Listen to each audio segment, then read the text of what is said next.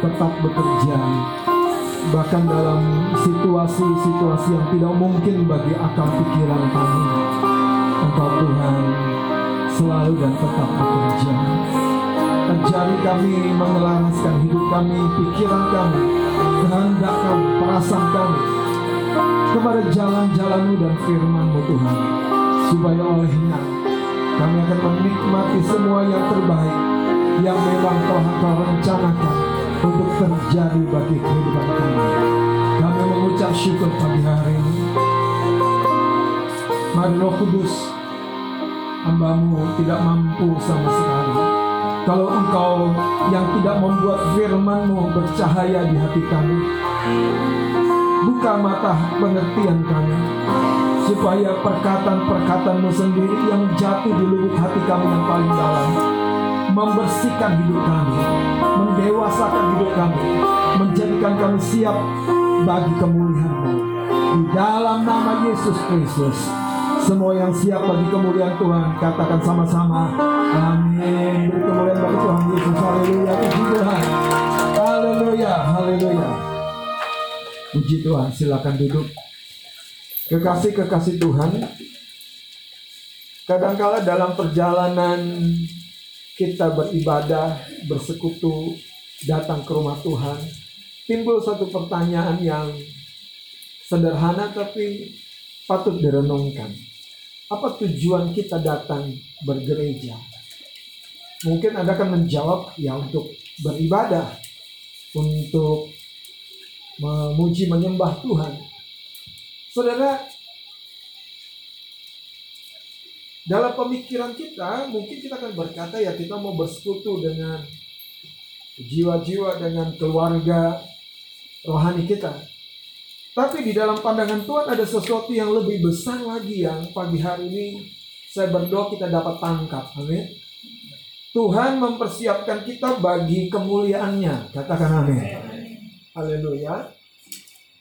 Dan dalam masa persiapannya itulah Anda dan saya dibawa ke rumah Tuhan. Katakan amin.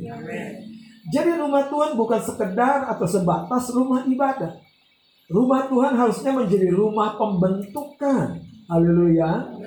Rumah Tuhan harusnya menjadi tempat di mana pikiran, perasaan kita, kehendak kita diselaraskan.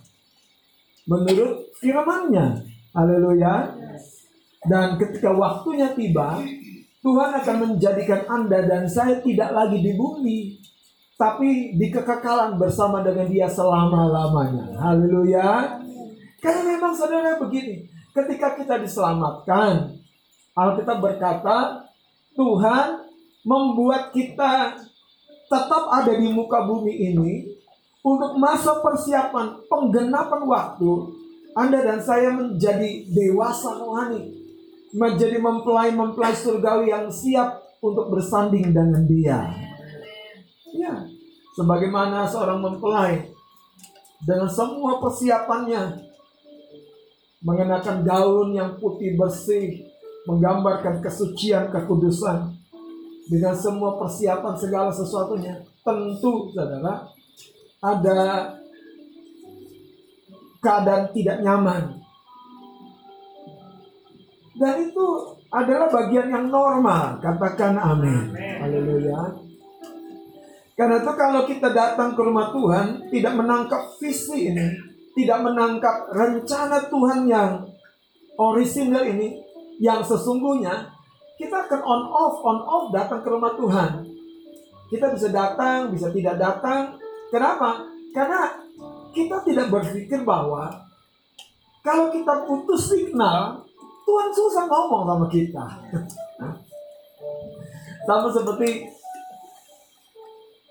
kami terbang kemarin ke Bandara Silangit. Mendarat di bandara kedua dari Sumatera Utara. Sejuk, enak, tapi bandaranya bandara kecil, saudara. Dan yang paling mengagetkan saya sinyal Indosat habis total. Nggak ada lagi garisnya. Puji Tuhan saya punya dua. Ada Indosat, ada Telkomsel. Tapi yang saya menceritakan, bayangkanlah kalau Tuhan putus cinta sama kita. Kita lagi asik sendiri, sementara Tuhan memanggil-manggil kita, dan kita seperti tertutup telinga kita. Teralihkan oleh kesibukan kita itu, oleh cita-cita, oleh tujuan kita sendiri itu, sementara kita mengabaikan apa yang Tuhan rencanakan ketika dia memilih dan memanggil kita keluar dari kegelapan. Haleluya. Sepertinya berkat-berkat adalah fasilitas. Katakan fasilitas. Bukan tujuan. Tapi itu bukan berarti saudara kita tidak menjadi maksimal dalam pekerjaan kita, dalam kehidupan kita, dalam dagang kita, usaha kita. Sebaliknya, Tuhan ingin kita maksimal dalam segala bidang. Katakan amin. Haleluya. Mari kita yang pertama buka dari Roma pasal yang ke-30. Hari ini kita akan belajar dengan sebuah tema dipersiapkan bagi kemuliaan dan keagungan. Anda dan saya dipersiapkan bagi kemuliaan dan keagungan. Roma 8 ayat ke-30 kalau sudah dapat kita bangkit berdiri kita akan baca bersama-sama.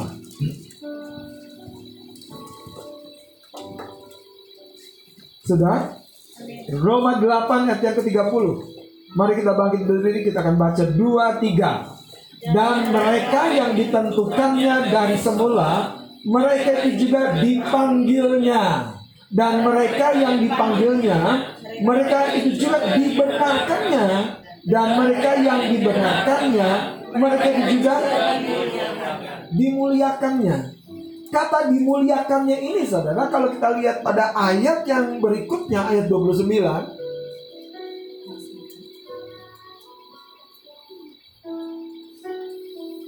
Sebab semua orang yang dipilihnya dari semula, mereka juga ditentukannya dari semula. Dipilih dari semula ternyata karena kita telah ditentukan dari semula. Jadi tidak ada kejadian yang tiba-tiba. Tidak ada sebuah kecelakaan kita jadi orang Kristen. Anda ditetapkan, direncanakan untuk masuk dalam kemuliaan, dalam keagungan, dalam kehidupan dengan identitas seperti itu. Nah, yang menarik dalam Roma 8 ini, ini tulisan Rasul Paulus dalam pewahyuan Roh Kudus. Dia berkata begini, sebab semua orang, semua orang tua muda, besar kecil, mau Anda dari suku apa pun, Alkitab berkata semua orang yang dipilihnya dari semula, mereka juga ditentukannya, ditentukannya. Jadi ada sebuah pola yang telah direncanakan buat hidup kita. Kita tidak berjalan dengan meraba-raba. Ada sebuah navigasi yang ditetapkan untuk kita. Berjalan dari kemuliaan kepada kemuliaan, dari iman kepada iman. Untuk sampai kepada siapa? Dikatakan ditentukannya dari semula untuk menjadi serupa dengan gambaran anaknya. Haleluya. Supaya maksudnya iya maksudnya anaknya itu Yesus menjadi yang sulung di antara apa? Haleluya. Saudara, silakan duduk bagi saudara yang dikasih oleh Tuhan. Ketika Yesus di gunung pencobaan, apa yang ditawarkan setan sama Yesus? Apa? Yang pertama, perintahkan batu jadi roti. Menurut Bapak Ibu Saudara, bisakah Yesus memerintahkan batu menjadi roti? Bisa nggak? Kalau tidak bisa, itu bukan merupakan pencobaan. Tapi kalau bisa, itu jadi pencobaan. Kita yang bisa marah, kemarahan akan menjadi pencobaan. Yes. Anda yang bisa jalan-jalan ke luar negeri, pencobaanmu tuh. Anda yang bisa traktir orang, yang bisa pokoknya di, di tingkat tertentu, Anda akan menjadi pencobaan. Menarik sekali. Kalau Anda sudah terkunci dalam sebuah pernikahan yang tidak bisa bercerai, Anda akan bilang, perceraian bukan percobaan. Tapi, karena pikiran-pikiran dunia mulai masuk saudara teradopsi oleh pikiran kita, sepertinya penceraian perceraian itu menjadi sebuah pencobaan. Bisa terjadi. Nah saya berdoa saudara kita akan mengerti konsep Tuhan hari ini. Anda dan saya direncanakan, dipersiapkan untuk masuk di dalam kemuliaan dan keagungan. Katakan amin. Tuhan sedang mempersiapkan artinya.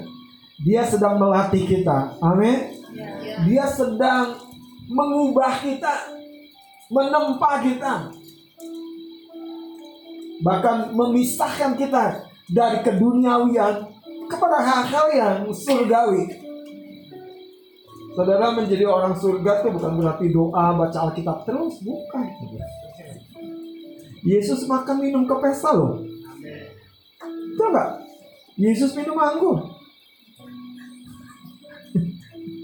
Haleluya. Iya kan? Betul. Yesus pakai baju dan jubah ungu itu gambaran jubah dan baju yang mewah, saudara. Haleluya. Anda tahu? Yesus tuh gonta ganti mobil. Kadang keledai, kedelai. Kadang keledai. Kadang apa lagi? Pentak. Ya kan? Yesus bahkan gonta ganti rumah.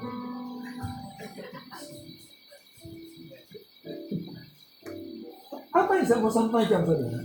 Tuhan ingin yang natural ini dibungkus dengan yang ilahi. Di dalam kemanusiaan kita, kita hidup secara ilahi. Saudara tahu bagaimana Abraham hidup secara manusiawi. Dia menikmati segala kelimpahan, segala berkat, segala jarahan yang besar. Tetapi ujungnya sana, dia selalu berkata 10% bagianmu Tuhan. Dan dia makin diberkati lagi. Diberkati Ishak, bahkan dikembalikan kepada Tuhan dan Tuhan tidak pernah mengambil dari anda dan saya kalau kita punya anak mana mungkin kita ngambil dari anak kita yang ada juga kita ngasih lagi ngasih lagi iya. nah kembali nak sama papa. Tujuannya untuk apa? Untuk kita ganti lagi yang lebih besar. Iya itulah Tuhan. Gak pernah ngambil. Kalian tuh percayalah hari ini Tuhan tidak pernah merencanakan Anda untuk ada sekian lama pada satu posisi tertentu. Dia membawa kita dari kemuliaan kepada kemuliaan. Katakan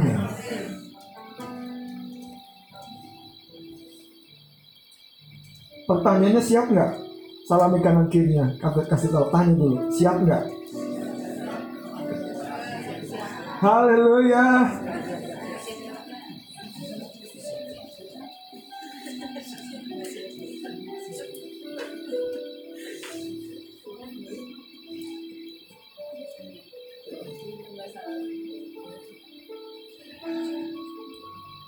Tuhan tidak pernah salah menjadikan Anda pada satu keadaan, pada satu posisi. Karena tujuannya sederhana. Dia melatih, dia mendidik, dia mendewasakan, dia membekali dan memperlengkapi kita. Saudara, kita tetap akan sampai kepada tujuan itu, yaitu kemuliaan dan keagungan. Mau Anda seorang pelayan Tuhan, mau Anda seorang ibu rumah tangga, mau Anda seorang bisnismen, mau Anda seorang pendeta. Hidup Anda dan saya akan menjadi sebuah seperti mercusuar. Terang yang terpanjang bukan lagi untuk kita, tapi untuk orang lain. Hidup dan Anda akan seperti bintang-bintang di langit kata Alkitab. Terang yang terpanjang itu bukan lagi untuk Anda dan saya, tetapi untuk menerangi kegelapan di mana Anda ada. Saya berdoa hari ini saudara, di dalam diri kita mulai kita menangkap konsep Tuhan. Itu sebabnya jangan pernah berhenti bertumbuh. Jangan pernah berhenti belajar. Jangan pernah berhenti melatih diri. Haleluya. Saya mau ajak Anda lihat cerita tentang kehidupan Yusuf. Mari kita lihat kitab kejadian. Saudara, Anda boleh catat, hidup kita, peristiwa-peristiwa di dalam hidup kita selalu ada keterhubungannya dengan rancangan besar Tuhan. Selalu ada. Bahkan ketika Anda dibully, ketika Anda dikhianati, ketika Anda dibenci, ketika Anda dimusuhi, ketika Anda dijahati. Selalu ada keterhubungannya untuk rancangan besar Tuhan bagi hidup kita. Mari kita lihat saudara. Dua ayat. Yang pertama kejadian pasal yang ke-45. Ayat yang kelima. Tolong salah seorang yang sudah dapat boleh baca dengan keras. Tapi sekarang janganlah bersusah hati. Tetapi sekarang Yusuf berkata kepada saudara-saudaranya yang telah menjahati dirinya itu. Janganlah bersusah hati. Terus? Dan janganlah menyesali diri. Jangan. Gak perlu lagi menyesali diri. Gak perlu lagi berkata gini, aduh sorry ya dulu aku jahat banget. Dulu aku menjelekkan kamu terus. Enggak, enggak usah ngomong yang lalu-lalu lagi terus. Karena kamu menjual aku ke sini. Wow, Yusuf ngomong begitu saudara. Gak usah bersusah hati, gak usah menyesali diri karena kamu menjual aku di sini. Orang-orang yang sudah menangkap rencana Tuhan, dia lagi gak susah hati di, di, di, dikhianati, saudara, dijahatin orang, mengalami kesusahan. Dia tidak lagi saudara dalam posisi yang kalut, bingung, dan mandek. Sebaliknya, orang-orang ini akan tetap melihat Tuhan tidak pernah berhenti seperti lagu kita. Sekalipun tidak ada tanda-tanda dia tidak bekerja, tetapi dia tetap bekerja. Haleluya. Yusuf berkata, Nggak, nggak perlu lagi bersusah hati, nggak perlu lagi menyesali diri. Pada harinya, Anda akan bilang begini, seperti Yusuf, nggak apa-apa apa-apa. Aku sudah melupakan semua kejahatan kamu. Karena Tuhan membalas dengan semua kebaikan yang terlalu berlimpah-limpah. Saudara Yusuf gak punya ruang lagi untuk menjahati balas keluarganya. Dia sudah puas dengan kebaikan Tuhan di posisi yang paling tinggi di Mesir. Orang kedua yang nomor satu di tahun, nomor duanya Yusuf. Kalau mau dia habisi dia nggak perlu tangan dia, dia nggak perlu mulut dia. Tapi itu tidak terjadi karena Yusuf telah memasuki kehidupan yang mulia. Tidak ada tersisa yang pahit di sini. Nggak ada terbekas. Bekasnya aja nggak ada, saudara. Bekas dijahatin. Nggak ada. Nggak ada. Kita nggak pernah bisa lagi apa membangkit-bangkitkan kenangan pahit dengan pasangan kita, dengan anak kita, dengan mertua kita, dengan orang tua kita. Kita nggak pernah punya lagi memori buruk. Kita nggak mungkin lagi mimpi buruk tentang siapa pun dalam hidup ini. Kenapa saudara? Kita sudah di posisi yang terlalu mulia, terlalu agung. Gak mungkin lagi saudara. Dan yang menarik pada ayat yang kelima ini lanjutkan. Sebab untuk memelihara kehidupanlah Allah menyuruh aku mendahului kamu. Nah, orang-orang yang nangkep rencana Tuhan, kalau Anda tahu untuk apa aku ada di sini, untuk apa aku ada di rumah Tuhan, untuk apa aku terlibat dalam pelayanan, untuk apa aku jadi pemimpin kelompok kecil, untuk apa aku ada di satu posisi, untuk apa? Saudara, begini loh, menjalani yang sekarang kita jalani itu tidak sepenting Anda ngerti untuk apa, kenapanya. Karena banyak orang ketika dia setelah melakukannya, tiba-tiba hatinya galau. Kok aku nggak dipuji? Kok aku nggak dibilang terima kasih setelah melayani? Lah kamu nggak tahu, kamu melayani itu bukan supaya diucapin terima kasih. Haleluya. Saya mau kasih gambaran. Saya diberkati 10 juta. Gak gede kan? 10 juta masih kecil. Haleluya. Saya diberkati 10 juta. Terus itu kan waktu di mana saya punya mimpi pengen jalan-jalan lah ke Bali, ya kan? Ajak kakak, ajak Samuel, jalan-jalan ke Bali, cukup nggak? Cukup nggak, Bang Adit? Aduh, kayaknya kok cukup nggak? ada sisa, Pak, masih ada sisa. Masih ada sisa. Terus saya udah bikin planning, saya udah bikin rencana, saya udah bikin semuanya. Tiba-tiba cek yang saya terima isinya 10 juta itu baru menyusul. Maksudnya Maksudnya, cek itu dikasih sama kamu bukan untuk jalan-jalan. Eh, Baru, ah? Kira-kira gimana saudara? Makanya, yang paling penting bukan sekedar menjalani hidup Anda. Tapi untuk apa? Kenapa kau harus jalani? Yesus tidak pernah menyesal di hari di muka bumi karena dia tahu aku datang bukan untuk dilayani. Aku datang bukan untuk dilayani. Aku datang untuk melayani dan memberikan diriku sebagai korban. Itu yang membuat Yesus nggak ragu saudara ketika akhirnya di Getsemani dia berdoa tiga kali. Bapaknya tidak menjawab apa-apa dia tetap mengambil keputusan yang telah dia tahu itu. Aku siap Bapak. Kekasih-kekasih Tuhan. Yusuf berkata begini, sebab untuk memelihara kehidupanlah. Jadi waktu Yusuf jadi mangku bumi, jadi orang besar, jadi perdana menteri, bukan sekedar menteri, jadi perdana menteri Yusuf pertanyaan saya siapa dia? Orang asing bukan bangsa Mesir. Siapa dia? Anda tahu umur berapa Yusuf? Jadi perdana menteri? Pernah baca ceritanya di gereja anak belum diajari aduh bang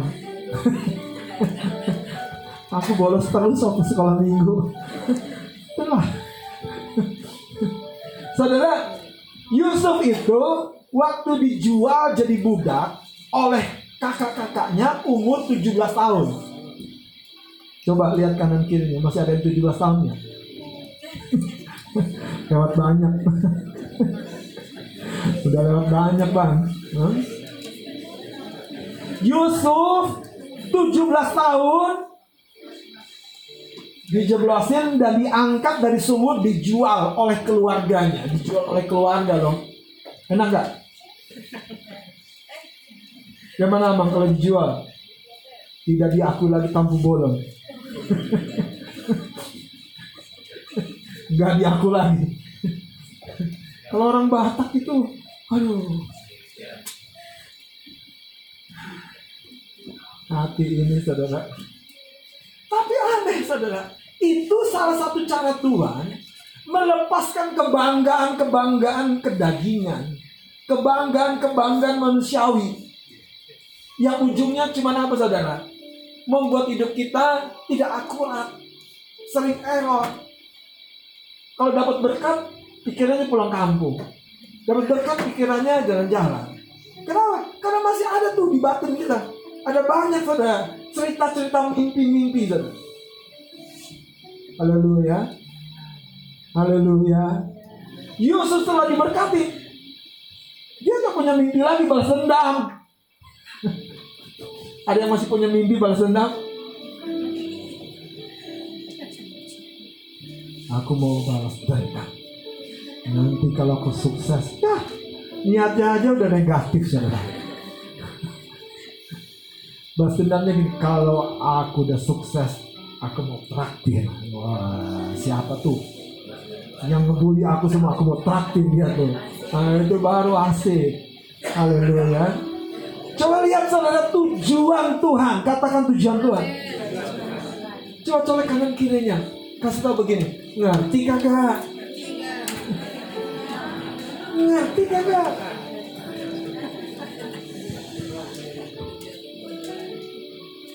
Kemarin ngobrol-ngobrol saudara. Saya bilang begini Tolong perhatikan teman-teman yang hari ini sudah kelas 3 SMA Kenapa? Sebentar lagi dia lulus. Sebentar lagi dia masuk dalam masa galau Ke manakah aku? Di rumah salah Di luar salah nggak punya duit Mau jalan bingung saudara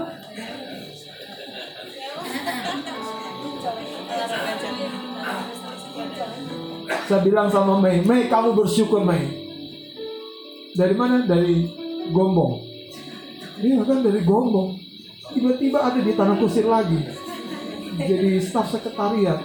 Saya bilang, Karen kamu bersyukur. Dari Lampung. Nggak ada jutungannya. Jadi staf kantor sekretariat pusat gereja penyebaran Injil. Lulusan SMA loh saudara. Tapi apa yang saya mau bilang saudara? Itu itulah saudara. Masa-masa seperti itu kita harus mengerti rencana Tuhan. Saya bilang begini, kalau udah pada gajian ingat nabung karena anda anda yang masih muda itu kerja bukan untuk foya-foya untuk traktir traktir. Ih, haleluya. Anda anda yang masih muda kerja diberkati itu untuk terus saudara. S1-nya jangan mandek. Haleluya. Kalau bisa S2 ya kan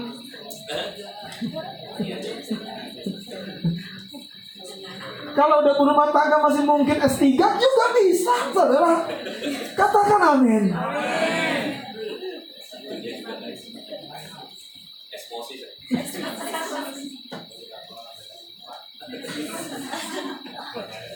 Gini, gini saudara. Itulah yang terjadi karena kita nggak ngerti konsep Tuhan buat hidup kita. Bang, saya udah begini aja, udah bersyukur. Eh, itu karena Anda melihat diri Anda menurut kacamata kita sendiri.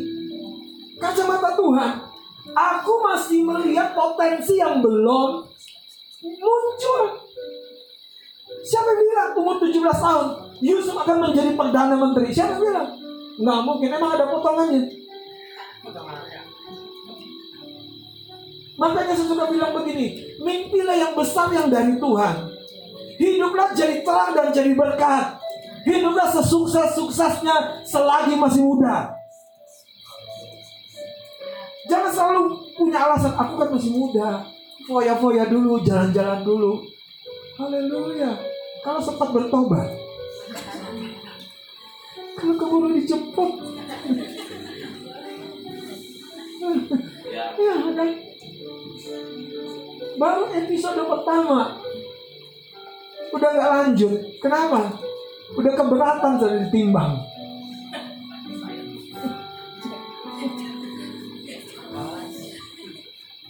Coba sekarang lihat kejadian 50 ayat 20. Orang-orang yang nangkep rencana Tuhan, hidupnya akan berubah. Dia akan siap saudara menanggung sesuatu yang tidak nyaman, tapi untuk sebuah perubahan yang lebih besar. Haleluya. Untuk sebuah perubahan yang lebih mulia, lebih besar, saudara. Makanya kadang-kadang kita ingin berkat, ingin berkat, ingin berkat, tapi sayang sekali saudara. Tuhan lihat apakah kita telah menjadi bejana yang siap. Menjadi bejana yang siap. Kalau sudah siap, seperti jalannya murid-murid Tuhan. Anda baca? Anda baca? Jalannya murid-murid Tuhan. Di Lukas pasal yang kelima, Yesus bilang apa? Dorong perahu lebih dalam, kita buka aja. Kayaknya ke saya saya sedang mendongeng kalau kayak begitu. Gak mendongeng ini beneran. Lukas pasal yang kelima. Haleluya.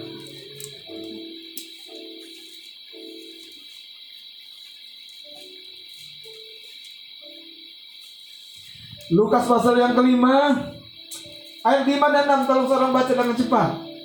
Lukas 5 ayat 5 dan 6. Iya. Simon menjawab, Guru telah sepanjang malam kami bekerja keras Hmm. dan kami tidak menangkap apa-apa. Iya. Tapi karena engkau yang menyuruhnya, aku akan menebarkan jala juga. Saudara Simon Petrus mendapat kesempatan mengalami mencicipi pekerjaan Tuhan di dalam pekerjaannya. Apakah pekerjaan Anda hanya berisi pekerjaan hikmat manusiawi Anda? Orang seperti Petrus dengar suara Tuhan. Guru aku telah coba, tapi karena engkau yang sekarang ngomong. Nah, mujizat terjadi. Amin. Haleluya. Lanjutkan ke sorry. Dan setelah mereka melakukannya, Setelah mereka melakukannya, mereka menangkap sejumlah besar ikan, ya, sehingga jala mereka mulai koyak. jala mereka mulai mulai koyak. Itu ikan yang besar itu mereka tangkap. Bahkan bukan hanya jalannya mulai koyak. Coba lihat ayat tujuhnya lanjutkan. Perahunya hampir tenggelam karena berkat. Nah itu yang saya takutkan. Jemaat kemah pujian. Menangkap sejumlah ikan besar. Jalannya mulai koyak. Perahunya mulai tenggelam. Coba baca ayat 7. Ada ayat 7? Kita baca. Dua, tiga. Lalu mereka pada teman-temannya perahu yang lain, Ya. supaya mereka datang membantunya. Terus? Dan mereka itu datang, lalu mereka bersama-sama mengisi kedua perahu Ya. itu dengan ikan hingga hampir tenggelam. Wow. Mengisi perahu itu dengan ikan hingga hampir tenggelam. Saudara sepanjang malam Petrus menebarkan jala. Yang menarik adalah bukan tidak ada ikan, tapi tidak ada campur tangan Tuhan. Tapi sekali tebar jala, sekali tebar jala, dibandingkan sepanjang malam nembar jala. Ih, dahsyat sekali ya kalau Tuhan berkarya. Sepanjang malam menebar jala, tarik sampai otot ini kram kejang, masuk angin flu, perut kembung. Sepanjang malam, saudara. Haleluya. Terus, eh, pagi-paginya ketemu Tuhan, katakan ketemu Tuhan. Coba kanan kirinya udah ketemu Tuhan belum? Kalau udah ketemu Tuhan, nebarnya nggak perlu sepanjang malam belum? Haleluya kalian. Nggak perlu sepanjang malam. Nggak perlu tebar kanan, tebar kiri, tebar pesona. Nanti datang ikannya. Haleluya.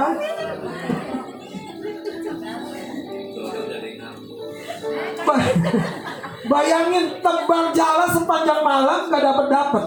Eh ketemu Tuhan Yesus. Tapi ingat ketemu Tuhan Yesus yang pertama Tuhan pinjam apa? Anda bersedia nggak hidupmu dipakai Tuhan? Nggak kuat. Aku pengennya diberkati. Aku pengennya diberkati. Tapi kalau Tuhan berkata begini, bersedia nggak hidupmu dipakai Tuhan? Kasihilah karena engkau telah dikasihi. Layanilah sebagaimana engkau telah dilayani. Makanya saya suka bilang pemuda-pemuda yang gagah ini jangan datang sendirian bangku belakangmu masih kosong. Tukang gojek ada ada penumpangnya. Ada bermotor nggak ada penumpangnya. Bawalah jiwa-jiwa. Haleluya. Makanya kalau Bang Ais sudah mengumpulkan poin itu di surga. Iya kan? Bawa kendaraan, bawa penumpang. Haleluya. Teman-teman coba, ini renungkan yang kecil. Apakah kita dibawa Tuhan ke tempat ini hanya untuk terus membawa diri kita sendiri? Membawa diri kita sendiri? Bang, aku kan udah bawa anak istriku. Coba lihat. Engkau bawa anak istrimu sekarang engkau yang hilang. Sampai Pak Gembala harus turun ke jurang kalau cerita Alkitab loh. Di titik yang 99 sama penjaga, yang satu itu ke jurang ternyata. Pekerjaan penggembalaan akan susah. Karena yang satu itu. Yang 99 tenang dijaga. Bapak Ibu Saudara dikasih Tuhan, sudah nangkep belum rencana Tuhan?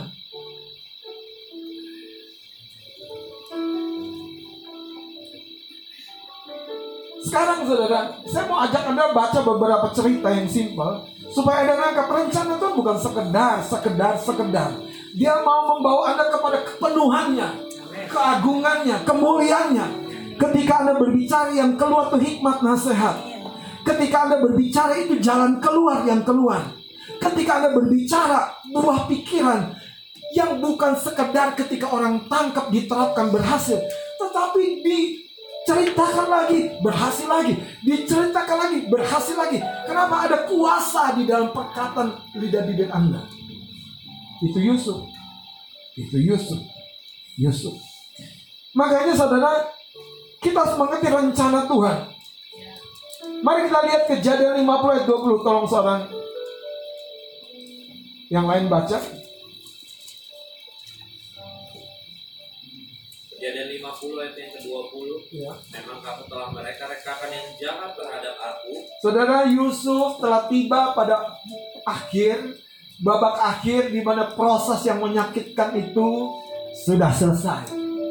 Makanya dia berkata begini, memang kamu mereka-rekakan yang jahat. Setiap kejahatan dalam hidup kita, setiap kejahatan dalam hidup kita tidak pernah terjadi tiba-tiba.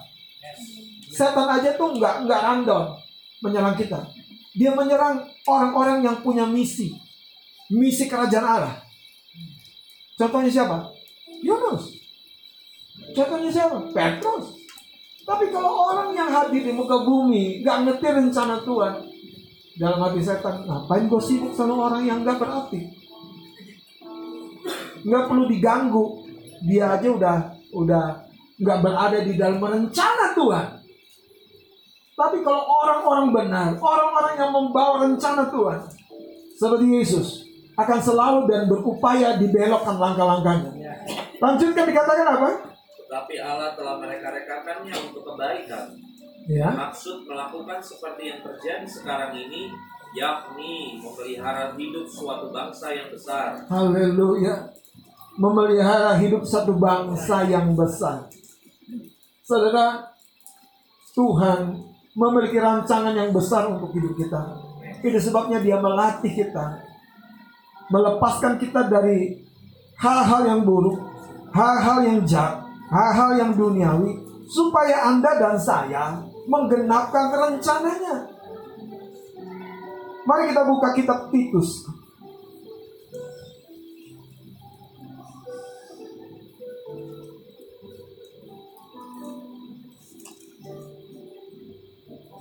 Titus pasal yang kedua ayat 11 dan 12. Tolong seorang baca lagi.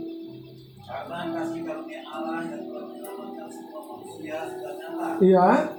Ia mendidik Ia mendidik kita terus supaya kita supaya kita meninggalkan kefasikan. Artinya kita sedang beralih. Beralih saudara, beralih seperti emas, makin mulia, makin mulia, makin mulia. Makin berbeda, makin berbeda, makin berbeda. Dan ini untuk sebuah kualitas kehidupan Anda dan saya di muka bumi, bukan nanti. Di masa mudamu, bukan nanti. Di rumah tanggamu, bukan nanti, saudara. Terus, dan keinginan-keinginan duniawi hmm, keinginan-keinginan apa? Duniawi.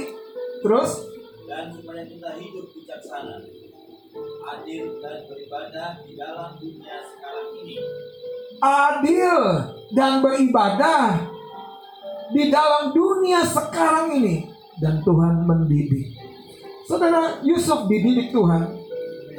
Yusuf dilatih Tuhan. Yusuf digembleng Tuhan sampai pada satu titik yang mengagumkan sekali. Mari kita akan tuntaskan saudara dari kejadian 41.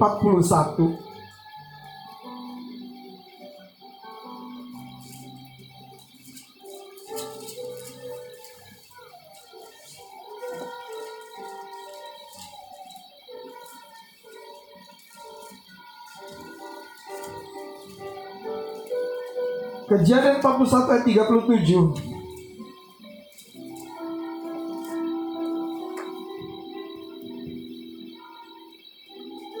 Pagi hari ini, ke mana Anda sedang menuju?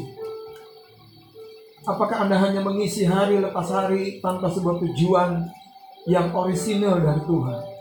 Hidupku untukmu Tuhan, untuk kau pakai dan untuk kau berkati, untuk menjadi mulia dan agung. Ayat 37 saya akan baca. Yusuf di Mesir sebagai apa? Penguasa. Usul itu dipandang baik oleh Fir'aun dan oleh semua pegawainya. Yusuf ngomong, memberikan tanggapan tentang mimpi Fir'aun. Terus dia bilang begini, kalau gitu Raja, carilah orang yang baik, yang berhikmat. Usul Yusuf itu dipandang baik bukan hanya oleh Firaun, tapi oleh semua pegawainya. Kalau Anda mulai berbicara, Anda akan memberikan solusi, Anda akan memberikan pengaruh. Saudara orang-orang seperti ini yang Alkitab katakan akan mulai memerintah di muka bumi ini dengan hikmat Tuhan. Terus dikatakan, lalu berkatalah Firaun kepada para pegawainya, mungkinkah kita mendapat orang seperti ini, seorang yang penuh dengan roh Allah? Fir'aun langsung tahu ini bukan pengetahuan yang normal ini. Ini ada sesuatu di kehidupan orang ini. Lah kata Fir'aun kepada Yusuf. Oleh karena Allah telah memberitahukan semuanya ini kepadamu, tidaklah ada orang yang demikian berakal budi dan bijaksana seperti engkau. Fir'aun bilang begini, engkaulah menjadi kuasa atas istanaku dan kepada apa? Seluruh rakyat, rakyat itu akan taat seluruh rakyatku akan taat. Betapa hebatnya posisi Yusuf. Saudara ini menggambarkan Anda dan saya. Ketika Tuhan menjadikan Adam dan Hawa, Tuhan merencanakan Adam dan Hawa untuk menjadi orang yang jenisnya sama dengan Yusuf. Dia memerintah, dia mengatur, dia mengelola di Taman Eden itu. Tapi dosa telah merusak semua karakter yang baik dalam dirinya. Tidak tersisa, saudara. Tapi Yesus mengembalikan lagi supaya dengan pekerjaan Kristus di dalam hidup kita seperti pekerjaan Kristus di perahunya Simon Petrus yang gagal kita akan sampai kepada kemuliaan bukan karena sebuah proses manusiawi kerja keras semata-mata tapi ada anugerah demi anugerah anugerah demi anugerah anugerah demi anugerah. Hidup kita bebas dari setiap keterikatan bebas dari setiap dosa bukan karena disiplin manusiawi semata-mata, tapi karena anugerah. Ada anugerah.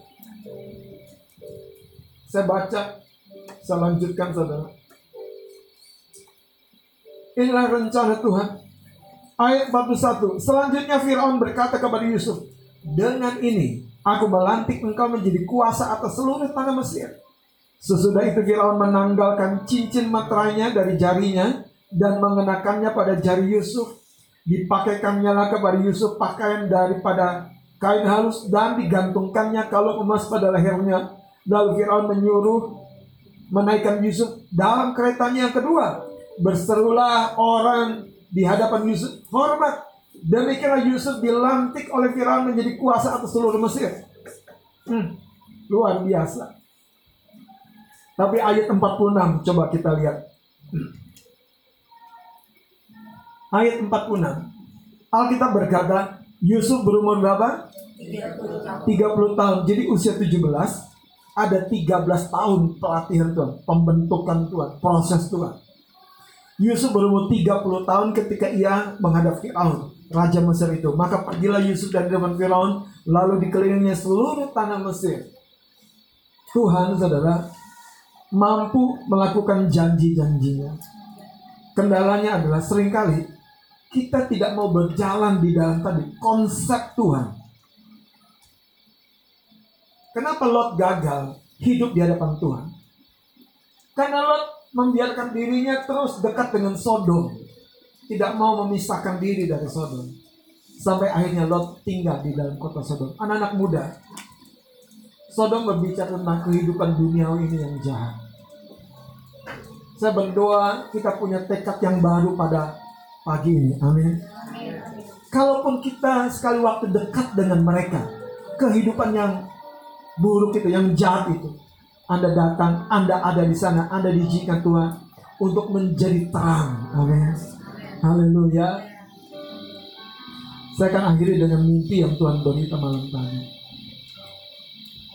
Saudara, berapa malam ini hujan deras dan ketika hujan deras tentang bagaimana saya selalu terbangun. Dan ketika terbangun itu, saya dalam keadaan entah ber, eh, entah tersadar, setengah sadar.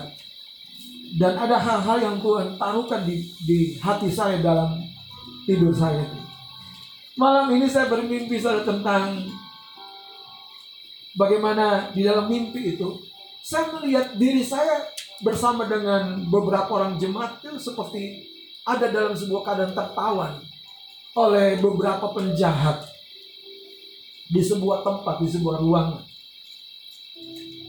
Ketika keadaan itu terjadi, ada satu waktu di mana saya berkata kepada diri saya gini, ini tidak boleh seperti ini.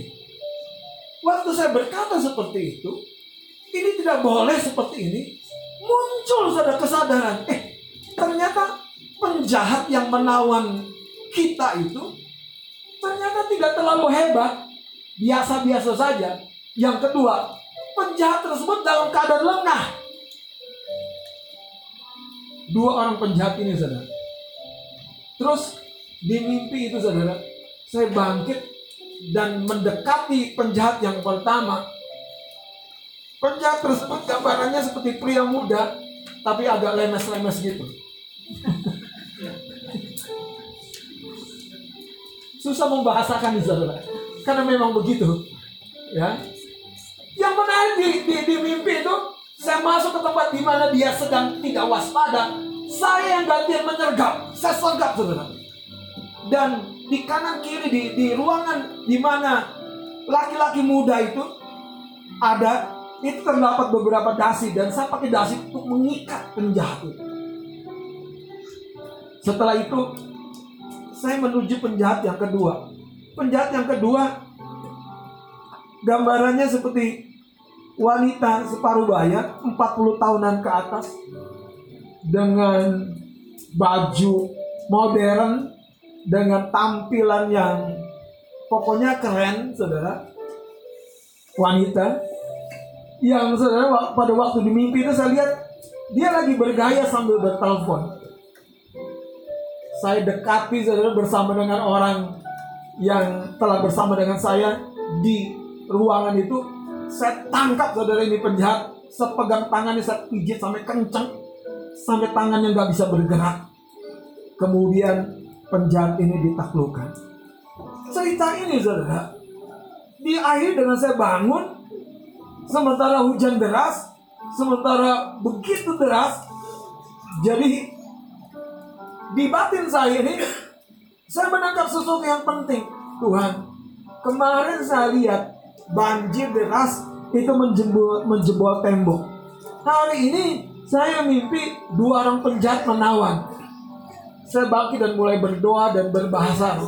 Saya cerita kepada kakak saya bilang gini mimpi ini bukan hanya menggambarkan tentang keadaan kita yang tertawa tapi mimpi ini sebetulnya menggambarkan tentang kemenangan yang terjadi di dalam pelayanan kita.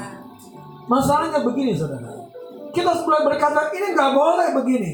Nah waktu kita deklarasi seperti itu, kesadaran yang dari alam rohani ini akan dinyatakan kepada Anda. Dan Anda akan lihat musuh Anda yang sesungguhnya itu tidak sehebat yang kita bayangkan. Musuh Anda hari ini apa? Sakit penyakit, kemiskinan, kegagalan, apa pun itu tidak sehebat yang Anda bayangkan. Yang kedua, saudara, posisinya dalam keadaan lengah. Karena itu kita harus mengambil kesempatan sebaliknya untuk menyergap musuh itu. Waktu di dalam mimpi itu saya menyergap saudara, saya langsung tahu kita nggak bisa saudara membiarkan musuh ini terus menekan kita, menawan kita. Saya mau terangkan. Yang pertama, penjahat yang pertama ini, pria muda, laki-laki lemes, ini gambaran kehidupan yang tidak akurat. Kehidupan yang tidak akurat. Kehidupan yang masih sampai bercampur dengan nilai-nilai duniawi. Itu musuh kita di gereja ini. Ini musuh kita di gereja ini. Bukan musuh saya saja. Musuh kita, saudara. Kehidupan yang tidak akurat kehidupan yang masih bercampur dengan kehidupan duniawi. Kita harus sergap saudara musuh ini. Kita tangkap, kita ikat saudara. Yang menarik adalah kenapa diikatnya oleh dasi. Saya, saya baru mengerti. Saudara. Dasi menggambarkan kehidupan yang terpola dengan kedisiplinan, terpola dengan tugas.